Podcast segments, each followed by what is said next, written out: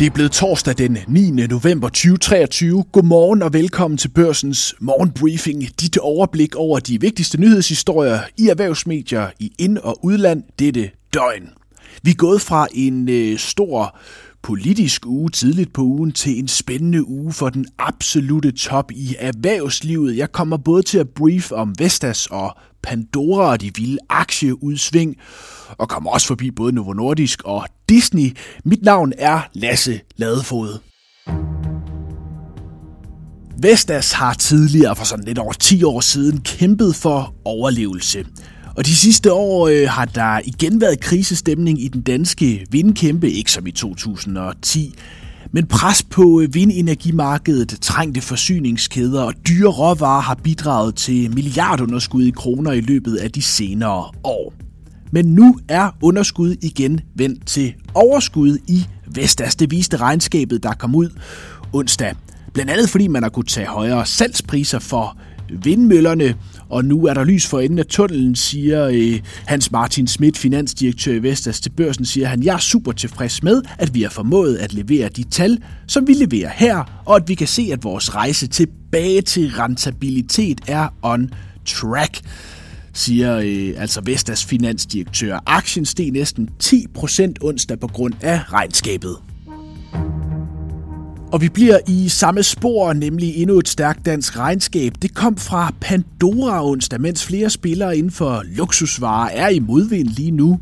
Så er det ikke tilfældet for den danske smykkekæmpe, der voksede med 11 procent i kvartalet. Det er langt bedre, end analytikerne havde ventet.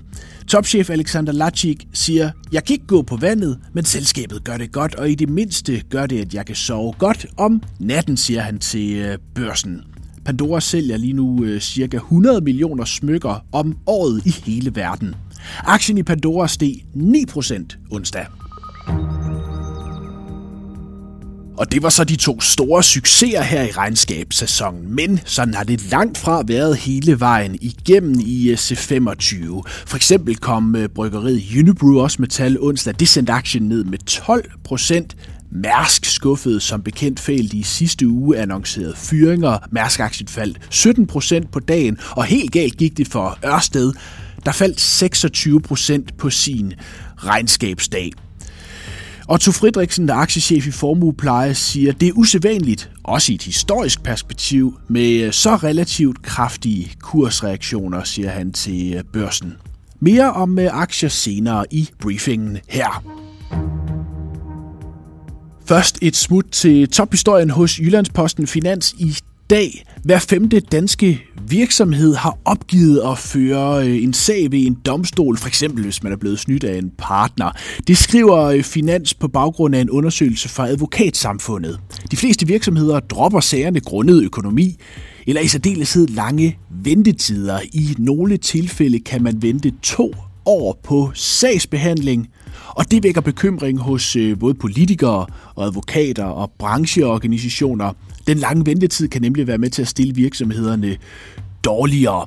Det er et kæmpestort problem, siger øh, Steffen, Lar- Steffen Larsen fra Liberal Alliance til Finans. Og så omkring Europas mest værdifulde virksomhed, Novo Nordisk oplever lige nu stor succes med øh, vægttabsmidlet Wegovy, særligt i USA. Der eksploderer det, og Novos største problem lige nu er at følge med efterspørgselen. Men nu er der så også en stor konkurrent på vej. Onsdag fik det amerikanske medicinalselskab Eli Lilly som ventet godkendt sit vægttabsmiddel.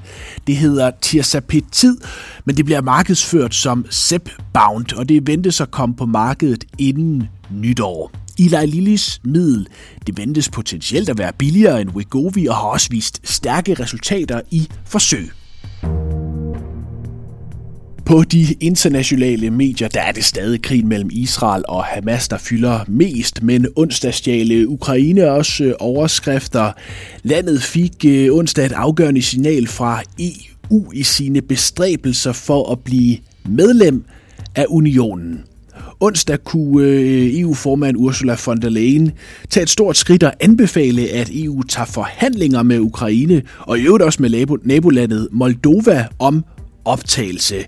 Von der Leyen hun sagde for nylig i Kiev, at øh, hun har set øh, fremskridt i Ukraine i forhold til at kunne blive øh, medlem. Det kan dog først blive aktuelt, når der kommer en afslutning på krigen.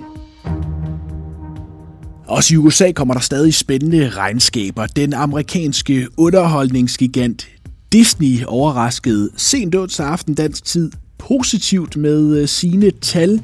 Disneys indtjening slog forventningen, blandt andet grundet en øh, god omsætning i øh, parkerne, altså Disneyland rundt omkring. Og samtidig voksede streamingtjenesten Disney Plus med 7 millioner brugere i kvartalet og er nu oppe over 150 millioner abonnenter.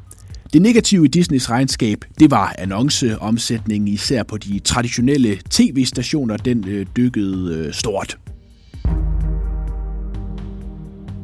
Alligevel så investorerne tilfredse ud efter børslukketid, der steg Disney-aktien med 4 procent. I et øh, marked, der generelt var sådan øh, lettere positivt. Det brede amerikanske S&P 500-indeks steg en øh, spids, og det var 8. dag i træk med stigninger til øh, S&P. Det er det længste stræk i to år. Eli Lilly blev øh, belønnet for øh, sin godkendelse med en stigning på 3,2 procent. I Danmark, der var der som øh, sagt store udsving for de regnskabsaktuelle aktier, men Vestas og Pandora, der altså begge steg over 9%, var med til at trække eh, C25 op med et samlet plus på 2%. Vi slutter altså også eh, dagens briefing med aktier. Der er en ny udgave af børsens Investor Podcast ude nu. Også her bliver både øh, Vestas og øh, Pandora vendt og drejet. Det er lidt svært at blive klog på aktiemarkedet lige nu. Der er øh, store udsving, og mange faktorer spiller ind. Panelet i podcasten Lars Hytting og Jens Larsson svarer her på en række hurtige spørgsmål om markedet lige nu. Lars, hvad vil du helst ligge i lige nu? Aktier, obligationer eller kontanter? Aktier selektivt. Okay, Jens, slutter C25-indekset i minus eller plus i år?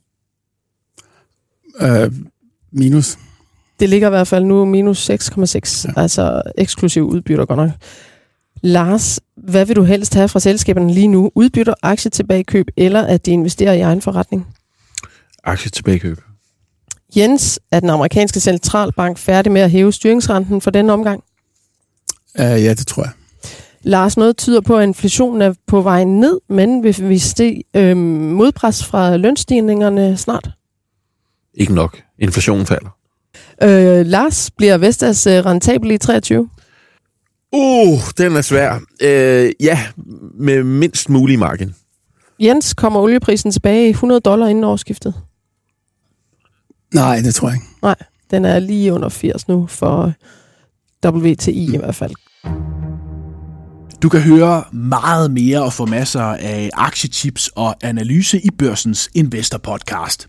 Tak fordi du lyttede til øh, dagens briefing. Vi er som altid tilbage igen i morgen. Indtil da have en rigtig god torsdag.